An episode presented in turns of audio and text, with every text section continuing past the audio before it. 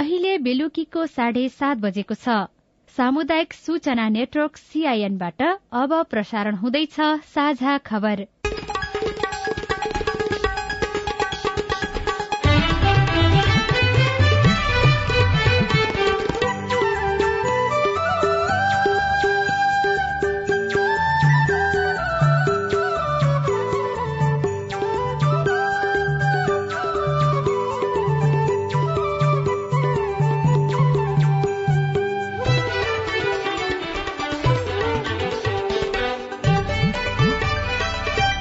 सीआईएनको साझा खबरबाट लील प्रकाश चन्दको नमस्कार। साझा खबर देशभरिका सामुदायिक रेडियो सीआईएन खबर डट कम र मोबाइल एप सीआईएनमा पनि सुन्न सकिन्छ।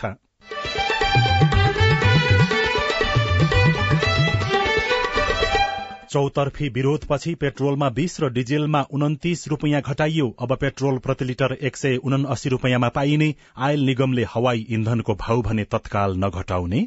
हवाई इन्धन भनेको कुरा र हवाई यात्रा भनेको कुरा चाहिँ सक्नेले गर्ने हो। आम सर्वसाधारणलाई चाहिँ त्यस्तो हवाई इन्धनको कारणले चाहिँ असर नहुने कारणले गर्दाखेरि पनि यो निर्णय भएको हुनुपर्छ। पार्टीबाट सरकारमा गएका चार मन्त्री फिर्ता बोलाउने नेकपा यसको निर्णय सत्ता गठबन्धनमा सहमति नभई राष्ट्रिय सभा उपाध्यक्ष र उपसभामुख नियुक्त नहुने प्रमुख प्रतिपक्षी दलको भने असन्तुष्टि। संसदलाई नाकामयाब साबित गर्ने कुरामा चाहिँ सत्ता पक्ष देखिन्छ भन्ने कुरा चाहिँ स्पष्टै छ। मनसून सक्रियता बढ़्यो। पश्चिमी क्षेत्रमा वर्षात विपद व्यवस्थापन बारे विद्यार्थीलाई जानकारी गराउन पाठ्यक्रम परिमार्जन बारे छलफल स्थानीय तहले तत्काल विषयवस्तु समेटेर अध्यापन गराउन सक्ने? छुट्टै पाठ्य पुस्तक बनाउने हो कि अथवा अहिले भएकै विद्यमान पाठ्य पुस्तकभित्र हाल्ने हो कि यो विषयमा अझै थप छलफलको जरुरी पर्छ अहिले फाइनलाइज भएको छैन। र राष्ट्रिय एथलेटिक्समा जयरानी थारूको कीर्तिमान।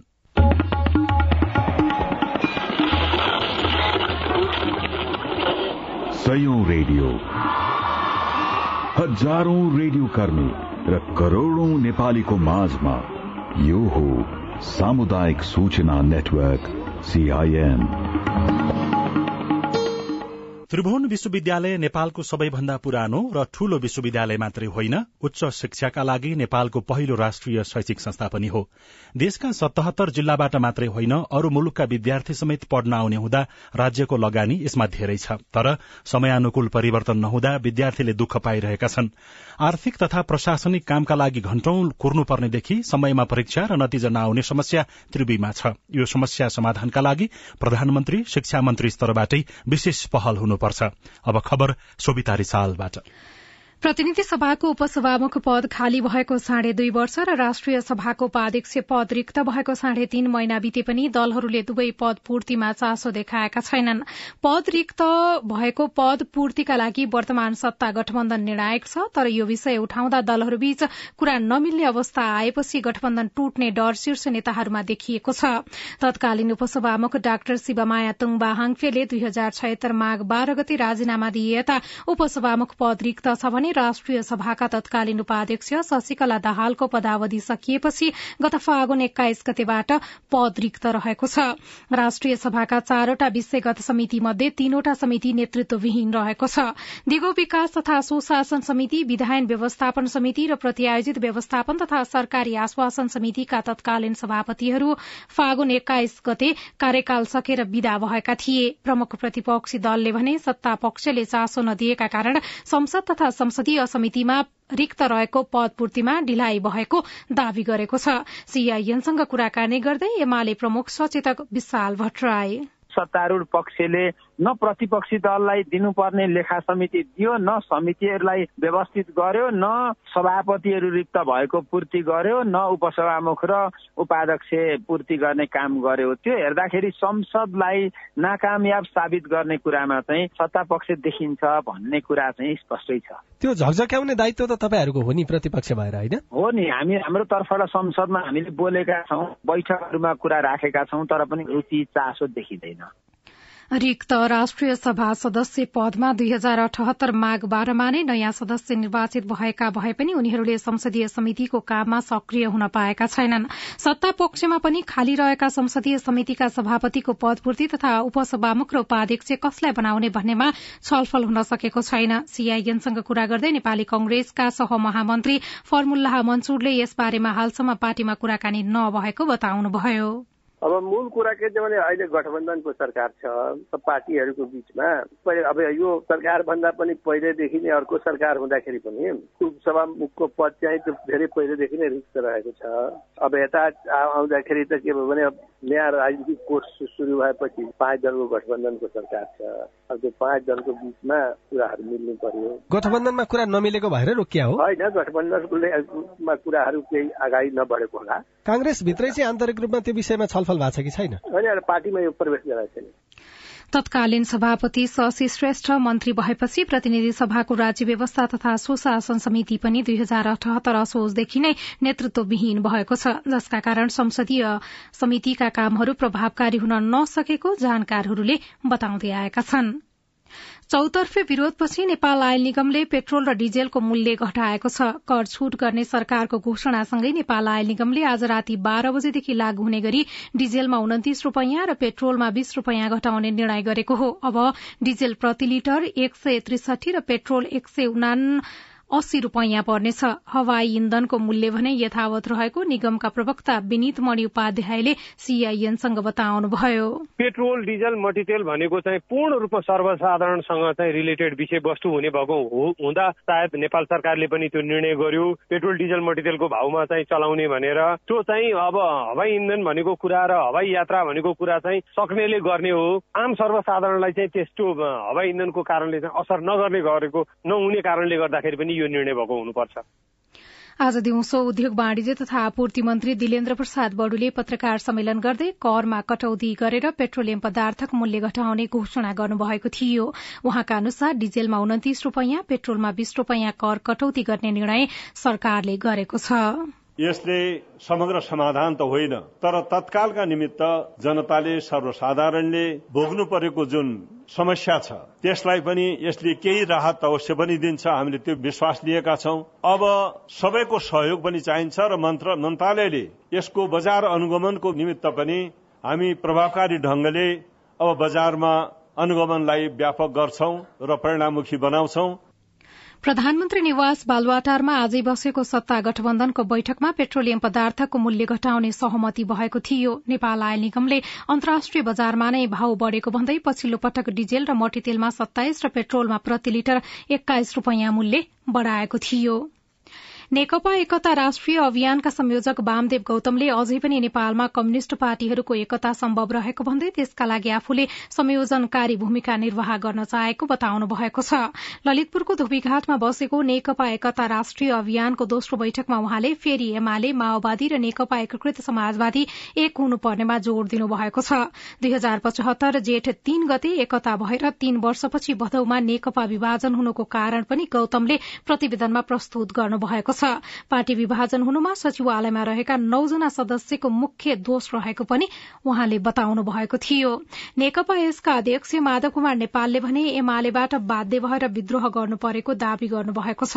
एमाले अध्यक्ष ओली केपी शर्मा ओलीले संविधानकै उल्लंघन गर्न थालेपछि बाध्य भएर विद्रोह गर्नु परेको उहाँले आजको आफ्नो पार्टीको केन्द्रीय समिति बैठकमा बताउनु भएको थियो। हामी बाध्य भएर हामीले विद्रोह गर्नु परेको थियो। अहिलेसम्मको घटनाक्रमले के पुष्टि गरेको छ भने त्यो विद्रोह गर्नै पर्थ्यो त्यो जायज थियो। विद्रोह नगरेको भए हामीले दास बन्नु पर्दथ्यो या राजनीति एउटा पलायन गरेर हिँड्नु पर्ने थियो। हामीले संविधानको रक्षा गर्यौं।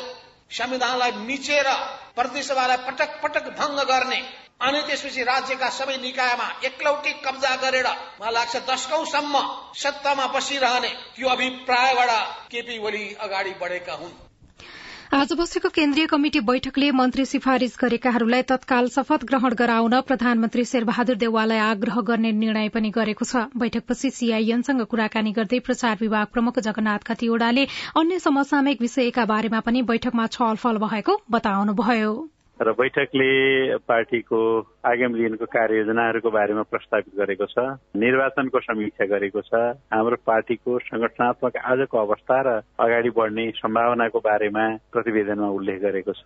गठबन्धनका बारे हाम्रा नीतिहरू आजको राष्ट्रिय अन्तर्राष्ट्रिय परिस्थिति आदिका बारेमा चर्चा गरिएको राजनीतिक प्रतिवेदन आज प्रस्तुत गरिएको छ। आज प्रस्तुत गरिएको प्रतिवेदनमा आज धेरै ठूलो छलफल हुन पाएन। केन्द्रीय परिषदको बैठक यही असारको तेह्र र चौध गते बस्दैछ।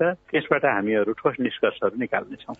पार्टीको तर्फबाट सरकारमा रहेका विरोध घत्तीवड़ा रामकुमारी झाँक्री प्रेम बहादुर आले र कृष्ण कुमार श्रेष्ठलाई फिर्ता बोलाउने निर्णय पनि आजको बैठकले गरेको छ। सरकारले विपदबाट हुने क्षति न्यूनीकरणका लागि विद्यालय स्तरबाटै जानकारी गराउने भएको छ। नेपालमा सम्भावित विपदका प्रकृति यसबाट हुने क्षति र न्यूनीकरणका उपायहरू पाठ्यक्रममा नै समावेश गर्ने गरी छलफल चलाउन थालेको हो। सीआईएनसँग कुरा गर्दै राष्ट्रिय विपद जोखिम न्यूनीकरण तथा व्यवस्थापन प्राधिकरणका प्रवक्ता डिजन भट्टराईले विपद व्यवस्थापनको विषय विद्यालयदेखि क्याम्पस तहसम्म अनिवार्य गराउने विषयमा छलफल भइरहेको बताउनुभयो। त्यसका लागि छुट्टै पाठ्य पुस्तक छपाउने या भएकै पुस्तकमा विषय समावेश गर्ने भन्ने बारेमा पनि छलफल चलिरहेको छ। अब विपदको कुरा चाहिँ अलिक म्यासिभली विद्यालय स्तरबाटै क्याम्पस तह सबैमा चाहिँ विपद व्यवस्थापनलाई अनिवार्य रूपमा स्थापित लिएर जानुपर्छ। विपद जोखिम न्यूनीकरणका कुराहरूलाई बच्चाहरूदेखि नै त्यो संस्कृतिको विकास गर्दै लिएर जानुपर्छ भनेर हामीले पाठ्यक्रममा लागू गर्नको निम्ति अलिकति होमवर्क अगाडि बढाएको छौँ। त्यसका लागि छुट्टै पाठ्य पुस्तक बनाउने कि अहिले भइराखेकै पाठ्य पुस्तकमा चाहिँ त्यसलाई समावेश गर्ने भन्ने हो? अहिले हामीले चाहिँ अब चाहिन्छ भनेर हाम्रो तर्फबाट चाहिँ पाठ्य पुस्तक अहिले इन्कर्पोरेट गर्नुपर्छ। छुट्टै पाठ्य पुस्तक बनाउने हो कि अथवा अहिले भएकै विद्यालय विद्यमान पाठ्य पुस्तकभित्र हाल्ने हो कि यो विषयमा अझै थप छलफलको जरुरी पर्छ अहिले फाइनलाइज भएको छैन। तर पाठ्य पुस्तकमा चाहिँ यसलाई प्राथमिकता साथ अगाडि राख्नुपर्छ भन्ने चाहिँ त्यो दिशामा हामी अघि बढाएका छौँ। विपदजन्य घटनामा बढ़ीजसो मानवीय कारण देखिने भएकाले पनि यसलाई न्यूनीकरण गर्न बाल बालिका तहबाटै सचेतना जरूरी देखिएको उहाँले बताउनुभयो। साझा खबरमा एउटा विदेशको खबर। युक्रेन रूस युद्ध नरोकिँदा विश्व समुदाय नै चिन्तित बनेको छ। युद्ध रोकिनुको साटो झन बढ़िरहेको र दुई देशबीचको युद्धकै कारण विश्वमा पेट्रोलियम पदार्थदेखि खाद्यान्नसम्मको अभाव हुन थालेपछि थप चिन्ता हुन थालेको हो। रूसी क्षेप्यास्त्रले एकनाश प्रहार गर्न थालेपछि युक्रेनी सेनाहरूले युक्रेनको सेभेरोडोनेस्क शहर छाड्न थालेको पनि बताइएको छ। सेभेरोडोनेस्कका मेयरले रणनीतिक फ्रन्टलाइन शहरबाट युक्रेनी सेना फिर्ता गर्ने काम भइरहेको बताएका छन्। रूसको सहयोगी बेलारूसको भूभागबाट यो क्षेत्रमा आक्रमण गरिएको युक्रेनको सेनाले जनाएको छ। बारम्बारको युद्धले विश्वमा आर्थिक दबाव बढ़ाइरहेको छ। र एउटा खेल खबरमा त्रिभुवन आर्मी क्लबका जयरानी थारूले चार सय मिटर हडल्समा राष्ट्रिय कृतिमान बनाउनु भएको छ। नेपाल एथलेटिक्स संघको आयोजनामा भइरहेको चौवालिसौं राष्ट्रिय एथलेटिक्स प्रतियोगिता अन्तर्गत आज जयरानीले राष्ट्रिय कृतिमान बनाउनु भएको हो। दशरथ रंगशालामा जयरानीले निर्धारित दूरी एक मिनट सात दशमलव दुई सेकेण्डमा पूरा गर्दै राष्ट्रिय कृतिमान सहित स्वर्ण पदक जित्नु भएको हो। जयरानीले छैठौं राष्ट्रिय खेलकुदमा एपीएफका सविता चौधरीले बनाएको एक मिनट सात दशमलव सात सेकेण्डको कृतिमान भंग गर्नुभएको हो।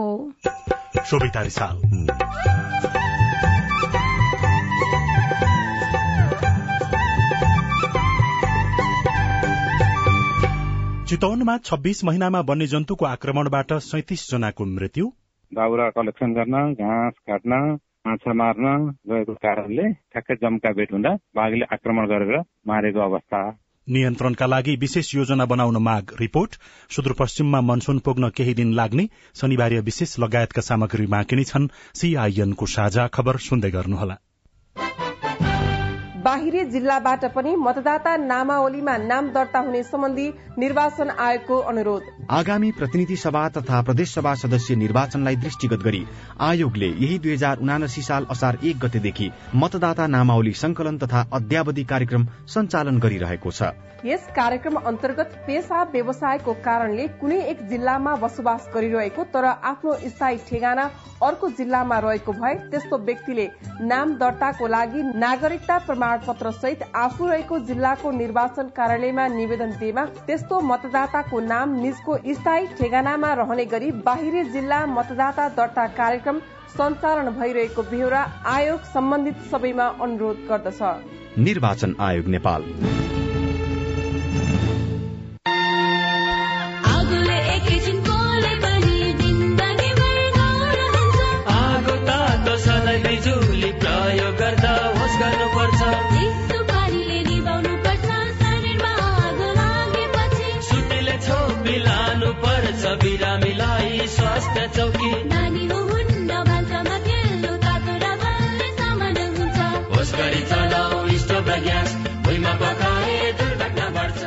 अग्निजन्य दुर्घटना भएमा शून्य एक पचपन्न पचपन्न छ आठ नौमा सम्पर्क गर्नुहोस्। बीबीएस नेपाल ललितपुर। सामाजिक रूपान्तरणका लागि यो हो सामुदायिक सूचना नेटवर्क सीआईएन तपाई सामुदायिक सूचना नेटवर्क सीआईएनले तयार पारेको साझा खबर सुन्दै हुनुहुन्छ। यो वर्ष नेपालमा मनसून छुट्टै भित्रिएको भए पनि देशभर फैलन भने केही समय लाग्ने भएको छ। गत जेठ बाइस गते नेपालको पूर्वी भूभागबाट प्रवेश गरेको मनसून कर्णाली प्रदेशसम्म फैलिएको मौसम पूर्वानुमान महाशाखाले जानकारी दिएको छ। तर सुदूरपश्चिम प्रदेशसम्मै फैलन भने अझै केही दिन लाग्ने महाशाखाका वरिष्ठ मौसमविद राजु प्रधानाङ्गले सीआईएनसँग बताउनुभयो। बिस्तारै मनसुनी प्रणाली फैलिँदै जाने क्रममा रहेको छ। साथसाथै यो सक्रियता पनि यसको बढ्दै जाने क्रममा रहेको छ। मनसुनको सक्रियता बढेसँगै बाढीको पहिरोको समस्याहरू आउने सम्भावना चाहिँ रहन्छ। हरेक वर्ष आइरहेको पनि छ। त्यो हुनाले चाहिँ अब यो बाढी पहिरोको जोखिम हुने स्थानहरूमा रहनुहुने नागरिकहरूले चाहिँ आवश्यक सतर्कता चाहिँ अप्नाउनु पर्ने हुन्छ। अघिल्ला वर्षहरूमा पूर्वी नेपालमा प्रवेश गरेको मनसून एक हप्तादेखि दस दिनभित्रै देशभर फैलने गरेको थियो। देशका धेरै ठाउँमा मेघगर्जन र चट्याङ सहित पानी पर्दा कतै भने भारी वर्षा पनि हुन सक्ने मौसमविद प्रधानाङ्गले बताउनुभयो। धनकुटामा पोखरीमा डुबेर दुईजना बालकको मृत्यु भएको छ। एकजनाको उद्धार गरिएको छ। आज दिउँसो पौडी खेल्न गएका धनकुटा नगरपालिका पाँचका पन्ध्र वर्षका स्वर्णिम राई र धनकुटा नगरपालिका दुईका पन्ध्र वर्षका उदय राईको मृत्यु भएको प्रहरीले जनाएको छ। प्रहरीका अनुसार धनकुटा नगरपालिका छ पातले खोला किनारमा रहेको Dhankuta agro tourism fun and भ्यालीले पर्यटकका लागि बोटिङ र माछा पालन गर्न बनाएको पोखरीमा डुबेर उनीहरूको मृत्यु भएको हो। वन्यजन्तुको वासस्थानको क्षेत्र खुम्चिनु वन्यजन्तुको आहारामा कमी आउनु वनमा डढेलो लाग्नु क्षयीकरण हुनु संरक्षित क्षेत्रमा जैविक मार्ग सहज नहुनु लगायतका कारणले पनि वन्यजन्तु आक्रामक देखिन थालेका छन्। पछिल्लो दुई वर्षमा चितौन राष्ट्रिय निकुञ्जबाट बाहिर निस्केका जनावरको आक्रमणबाट मात्रै सैतिस जनाको मृत्यु भएको छ। मध्यवर्ती क्षेत्रमा बसोबास गर्ने स्थानीयहरू पाटेबागसँगै जंगली जनावरको आक्रमणका कारण ज्यान गुमाउन बाध्य छन्। जंगली जनावरका कारण आफूहरू पीड़ासँगै त्रास बस्नु परेको बताउनुहुन्छ खैरहनी तिरका रेशम नेउपाने। गैडाहरू आइरहेछ जङ्गली हात्तीहरू आइरहेछ होइन? अब बाघहरू पनि घर गाउँतिर आएको अवस्था पनि छ। ताजबारीहरू मेचदारीहरू लगाएको छ। मेचदारीबाट तपाईँ त्यो जङ्गली हात्तीले भत्काएको छ। चितौन राष्ट्रिय निकुञ्जका अनुसार गएको दुई वर्ष दुई महिनाको अवधिमा बाघको आक्रमणबाट सबैभन्दा धेरै अठार जनाको मृत्यु भएको छ। गैडाको आक्रमणबाट आठ र हात्तीको आक्रमणबाट चारजनाको मृत्यु भएको छ। पछिल्लो तीन महिना यता मात्रै बाघको आक्रमणबाट नौ जनाले ज्यान गुमाइसकेका छन्। चितौन राष्ट्रिय निकुञ्जका प्रमुख संरक्षण अधिकृत हरिभद्र आचार्य। मध्यवर्ती क्षेत्रको सामुदायिक वनमा न्युरो टिप्न दाउरा कलेक्सन गर्न घाँस काट्न माछा मार्न गएको कारणले ठ्याक्कै जम्का भेट हुँदा बाघले आक्रमण गरेर मारेको अवस्था। सन् दुई हजार अठारको गणना अनुसार निकुञ्जमा तिरानब्बेवटा बाघ रहेका छन्। निकुञ्जमा बाघको संख्या बढ्नु तथा मध्यवर्ती क्षेत्रलाई वासस्थान बनाएकोले आक्रमणको घटना बढ्दै जान थालेका छन्। बाघका सम्बन्धमा विद्या बारिदी गर्नुभएका राष्ट्रिय प्राकृतिक संरक्षणको सौराका प्रमुख डाक्टर बाबुराम लामिछानेले बाघले बुढो भएर घाइते भएर हेपिएर र आहार नपाउँदा मानिसलाई आक्रमण गर्ने गरेको बताउनुहुन्छ। बुढो भएर हुनसक्छ। अथवा माउसँग छुटिएका बच्चाहरू त्यस्तो चाहिँ दुईटा ग्रुपकोले चाहिँ बढी क्षेत्र बनाएर बस्न नसकेका टेरिटोरी बनाउन नसकेका जङ्गलहरू त्यस्ता बाघहरू चाहिँ बढी आक्रमण गर्ने गरेको चाहिँ वन क्षेत्रको संरक्षण गर्ने बाघ लगायत अन्य जन्तुको वासस्थानमा कुनै असर नपुर्याउने र रातिको समयमा नहिन्ने तथा आफै सचेत हुन सकेको खण्डमा वन्य जन्तुको आक्रमणबाट जोगिन सकिने बताउनुहुन्छ। फेरि राष्ट्रिय प्राकृतिक संरक्षणको सौराका प्रमुख डाक्टर लामी छाने। बाघको क्षेत्रमा छिर्दैछु। जुन ठाउँमा पनि बाघ हुन सक्छ भन्ने कुरा चाहिँ सतर्क भएर जाने। घाँस काट्ने न्युरो टिप्ने जस्तो कामहरू गर्नु पर्दाखेरि चाहिँ खुल्ला ठाउँमा मात्रै गर्ने। त्यो भारी नजिकमा जनावरहरू डुकेर बस्न सक्ने क्षेत्रहरू छोडेर गऱ्यो भने जोगिन चाहिँ सकेला वन्य जन्तुबाट हुने क्षति न्यूनीकरण गर्नका लागि मानव वन्य जन्तु द्वन्द न्यूनीकरणको कार्यक्रम तत्काल शुरू गर्नुपर्नेमा स्थानीयको माग रहेको छ। केदार शर्मा सीआईएन रेडियो अर्पण चितवन साझा खबरमा अब हेलो सीआईएन स्नेहा कर्णबाट। गोकुलगंगा गाउँपालिका रसनालुद्दिन रामेसापबाट म ललितबहादुर बस्नेत बोल्दैछु। मौरी पालनको मलाई इच्छा भएकाले मैले मौरी पालनको लागि सबै कुरो जान्न कहाँ सम्पर्क गर्नु पर्ला जवाफ दिँदै हुनुहुन्छ कृषि ज्ञान केन्द्र रामेछापका कृषि प्रसार अधिकृत विवेकानन्द महत। मौरी पालनको लागि त अब हाम्रो कृषि ज्ञान केन्द्रमा आएर बुझ्दै पनि भइहाल्छ। त्योभन्दा पहिला अब ज्ञान केन्द्र त टाढा छ अलिक दुई तिन घन्टा तल बजारतिर आउनु पर्यो त्यही भएर अब स्थानीय तहको पनि कृषि शाखा हुन्छ। स्थानीय तहको कृषि शाखामा गएर बुझ्दा नि मिल्यो नमस्ते मेरो नाम चाहिँ प्रकाश शर्मा। म चाहिँ दिनपुर गाउँपालिका दुईदेखि सरकारले पाँच वर्ष मुनिका बालबालिकालाई भत्ता दिने गरेको छ कि छैन अहिले। तपाईँको जिज्ञासा मेटाइदिनका लागि हामीले भीमफेदी गाउँपालिकाका सूचना अधिकारी बद्री सापकोटालाई भनेका छौं। पाँच वर्ष मुनिका बाल बालिकाहरूलाई भने दलित समुदायको बाल बालिका नै छ। उहाँहरूलाई पाँच वर्ष नपुगुन्जेल पोषण भत्ता दिनु। जन्मगत र बाबाआमाको नागरिकता चाहियो। खाता खोल्नु पर्यो निवेदन त दिनु पर्यो नि अप्लाई गर्नु पर्यो खाता खोल्नु पर्यो संरक्षकको नाममा भत्ता जानु आमाको अनि लोकसेवा आयोगले परीक्षाको नतिजा सार्वजनिकमा ढिलाइ गरिरहेको भन्दै इलामका तुलसी राम दाहाल गुनासो गर्नुहुन्छ। गत आर्थिक वर्षमा संघीय लोकसेवा आयोगले लिएको खरिदार त प्राविधिक तर्फको परीक्षाको नतिजा सार्वजनिक पनि गरेका छैन। अनि अहिले खोलेको लोकसेवाको परीक्षा मिति पनि तोकिएको छैन। यो कहिलेसम्ममा नतिजा प्रकाशन हुन्छ र परीक्षा मिति तोकिन्छ होला। तुलसीजी हामीले तपाईँको गुनासो लोकसेवा आयोगका सूचना अधिकारी देवी प्रसाद सुवेदी समक्ष राखेका छौं। यो नतिजा कहिले आउँछ भन्ने मिति मलाई पनि जानकारी हुँदैन गुप्त रूपमै काम हुन्छ तर अब प्रक्रियामा छ भनेर सम्बन्धित शाखाले जानकारी दिएको छ। दिनको एकचोटि वेबसाइट हेर्नु होला आउँछ। अनि रोकिएको परीक्षाको विषयमा अदालतमा मुद्दा परेको सायद यो समावेशीसँग सम्बन्धित मुद्दा परेर अनि त्यो मुद्दाबाट रोकिएको हो। अदालतबाट मुद्दा टुङ्गो लाग्दा बित्तिकै त्यसको परीक्षा पनि सार्वजनिक हुन्छ। तर त्यो अदालतको विचाराधीन विषय भएको हुनाले कहिले हुन्छ भनेर मैले जानकारी दिन सकिनँ। तपाईँ जुनसुकै बेला हाम्रो टेलिफोन नम्बर शून्य एक बान्न साठी छ चार छमा फोन गरेर आफ्नो विचार गुनासो प्रश्न तथा प्रतिक्रिया रेकर्ड गर्न सक्नुहुनेछ। तपाई सामुदायिक सूचना नेटवर्क सीआईएनले काठमाडौँमा तयार पारेको साझा खबर सुन्दै हुनुहुन्छ। घाँसे गीतको इतिहास तर सर्जक पाउन मुस्किल। मरि जानी यो कच्चा चोला अब भेटायो मलाई साह्रै चिन्ता छ। चिन्ता छ कतिपय साथीहरूलाई मैले सिक्नुहुन्न। भन्नुहोस् न भन्छु म होइन? घाँसे भाकाको संरक्षणका लागि सरोकारवाला निकायको भूमिका के छ? एकजना कलाकारको अनुभव सहितको शनिबार विशेष बाँकी नै छ। सीआईएनको साझा खबर सुन्दै गर्नुहोला। बालबालिकालाई लगाउँदै गरेको खोपमा चाहिँ बालबालिकाहरू कहाँ गएर लगाउनु पर्ने र खोप लगाउन जाँदा के के लिएर जानु पर्ने त्यसबारे बताइदिनुहोस् न। मेरो जिज्ञासा के छ भनेपछि हामी विद्यार्थीहरू एकदमै जोखिममा छौँ तर पनि हामीहरूले समयमा खोप उपलब्ध हुन सकेको छैन। कोभिड बारे तपाईँको चासो अब हाम्रो पालोमा। कोभिडसँग जोडिएका थुप्रै बालबालिका तथा युवाहरूका प्रश्न र सरकारवालाको जवाब सहित हरेक आइतबार साँझको साझा खबरमा प्रस्तुत भइरहेको छ हाम्रो पालो। कोभिड पछि घरको बसाई बाल तथा युवा मस्तिष्कमा पर्ने प्रभाव यसले मनोविज्ञानमा पारेको असर कोभिडमा मानव सुरक्षा र कोभिड विरूद्धको खोप लगायत तपाईँलाई लागेको विषयमा हाम्रो आइभीआर नम्बर शून्य एक बान्न साठी छ चार छमा प्रश्न गुनासो तथा प्रतिक्रिया रेकर्ड गराउनुहोला। सरोकारवाला निकायको जवाब सहितको हाम्रो पालो देशभरिका सामुदायिक रेडियोमा प्रसारण भइरहेको छ। सामाजिक रूपान्तरणका लागि यो हो सामुदायिक सूचना नेटवर्क सीआईएन तपाई सामुदायिक सूचना नेटवर्क सीआईएनले काठमाडौँमा तयार पारेको साझा खबर सुन्दै हुनुहुन्छ। अब शनिबार विशेष। घाँसे भाका लोकगीतको एउटा प्रसिद्ध भाका हो। विशेष गरी काठमाडौँ वरपरका क्षेत्रमा गाइने भएकाले यसलाई नेपाल गीत पनि भन्ने गरिन्छ।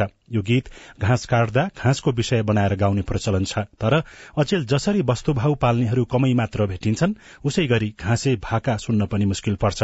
आजको शनिबार विशेषमा घाँसे गीत र यसको संरक्षणमा जुटिरहेका एकजना कलाकारको कथा। तीन तले पक्की घरको आँगनमै छ गाउँले पारामा बनाइएको गाईगोठ। बोहराटार अर्थात नागार्जुन जंगलको फेदैमा पर्ने काठमाडौँको पल्लो छेउको शहर नुवाकोटबाट काठमाडौँ झरेपछि दलबहादुर मुठभरिको स्थायी बसोबासको थलो बन्यो बोहराटार अनि त्यहीँबाट शुरू भयो व्यावसायिक गाई पालन। मैले यो गाई पालन गरेको चाहिँ तपाईँको त्यस्तै चालिस सालदेखि नै मैले यो गाईको चाहिँ साह्रै नै संरक्षण गर्ने मेरो इच्छा आयो। अनि त्यसैले मैले यो गाईतिर म लागेँ। अनि गाई मलाई असाध्य फाब्या पनि छ। अहिले कतिवटा गाई छन् गोठमा? अहिले नौवटा छ हजुर। तिनवटा ब्याउनी छ पाँचवटा दुन गोठ सहरमै भए पनि गाई चरणमा जान्छन्। गाईको पछि पछि लाग्नुहुन्छ दलबहादुर। गाई चर्न थालेपछि घाँसे गीत गुनगुनाउने दलबहादुरको पुरानै आदत हो। फुलै फुले कठर चम्पा बाँच्न बैगुनीको गुण सम्झेर आँसु बरर मरि जानी यो कच्चा चोला अब भेटायो होला कि होला मेरा गाई त फर्की भनेपछि फर्किने नानी आऊ भनेपछि आउने। कसैको हिमाल छ कसैको काली छ। आऊ रातो आऊ लाउ लाउ भनेपछि वरिपरि आएर बस्छन्। अनि मलाई कतै पनि त्यो गाईको मायाले अब मरेका बाबुआमा पनि बिर्सिएको छु मैले। त्यस्तो माया लाग्ने त्यो गाईकै मात्रै याद आउने। उहाँलाई गाईको जत्तिकै माया लाग्छ घाँसे भाकाको पनि। हुन पनि घाँसे भाकासँगको साइनो पाँच दशक पुरानो छ। यो घाँसे गीतको साइनो भनेको चाहिँ तपाईँको यस्तै गाई गोठाला यता त्यता दिदी बहिनीहरूसँग भेट हुने। अनि त्यही मौकामा चाहिँ अनि त्यस्तो बानी बस्यो। उताबाट घाँस काट्दै आउने यताबाट गोठालो जाने पर डाँडामा ठ्याक्क देखिने अनि खेर अब त्यही अनुसारले पानीलाई पर्यो झिमी होइन झिमी क्या भयो बन पूजा हरिहरको नमान नझरको क्या रियो भयो नुवाकोटमै छँदा दलबहादुरलाई घाँसे भाकाको मोह बस्यो। कारण थियो पुराना मान्छेहरूसँगको संगत अहिका मान्छेहरू पनि निकै गीत गाउँथे। अब त्यहाँ राम्रा राम्रा गीत गाउने उनीहरूले जस्तो त हामी भन्न सक्दैनौँ। उनीहरू भारत भन्थे अब रामायण भन्थे महाभारत भन्दै भन्दै जाँदा दिनभरि तीन घण्टामा एउटा लामो भाका छोड्ने अरू भटेर सीता हरे रावणले रामलाई पिर पारी लङ्का गए हनुमान सा समुद्र तरी। जलाइदिए लङ्का सहर सबै खाग पारी रावणको कान्छो छोरो एचे कुमार मारी। तरी आयो वारी आली लाउने कोदाली त बाली लाउने फाली बाली मारे रामचन्द्रले तारा बसिन खाली। यस्तै उमेरले त्रिहत्तर वसन्त टेक्यो। दारी कपाल फुलेर सेतै भए पनि शरीर हट्टाकट्टा देखिन्छ। लेखपढ खासै छैन तर घाँसे भाकामा शब्दका थुङ्गाहरू उन्न दलबहादुरलाई कसैले भेट्दैन। शान्तिको लागि आनन्दको लागि म त्यो कमाउनु पनि होइन। आनन्द त्यो गीत गाइसकेपछि मिठो हुने के? असाध्य आनन्द भौ तिर्खा नलाग्ने नराम्रो पनि म राम्रै छु कि जस्तो लाग्ने मन त्यस्तो छिपिने। बुवा मेरो स्वर्गीय भए म बालाखा हुँदा बालाखामा पढ्न पाइन साढे सातले छुँदा। बालाखामा पढ्न पाइन साढे सातले छुँदा। जिल्ला पर्यो नुवाकोट थान्सिङ मेरो गाउँ। थर मेरो मुढाबारी दल बहादुर नाउ अब म बाटामा दुध पुर्याउँदा हिँड्छु। त्यो टिकटक के बनाउँदो रहेछन् नि। अनि त्यहाँबाट गाडी अड्याएर त्यहाँ चट्ट मलाई रोक्नुहुन्छ। किन होला सर भन्छु म तपाईँसँग फोटो खिचौँ हेर भने अब कहाँ यस्तो गति छ? तपाईँको गतिसँग होइन तपाईँको त्यो एउटा कलासँग चाहिँ म फोटो खिच्छु भन्छन्। बाटामा पनि फोटो खिच्छन्। म पनि अल्मलिन्छु। भाग्यमानी रहेछु क्यारे। मान्छे कालो भयो नि भित्र त सेतै छ जस्तो आत्मा बल बढ्छ। दलबहादुर घाँसे भाकाको लयमा मनका भावना साट्न मेला महोत्सवमा पुगिरहनुहुन्छ।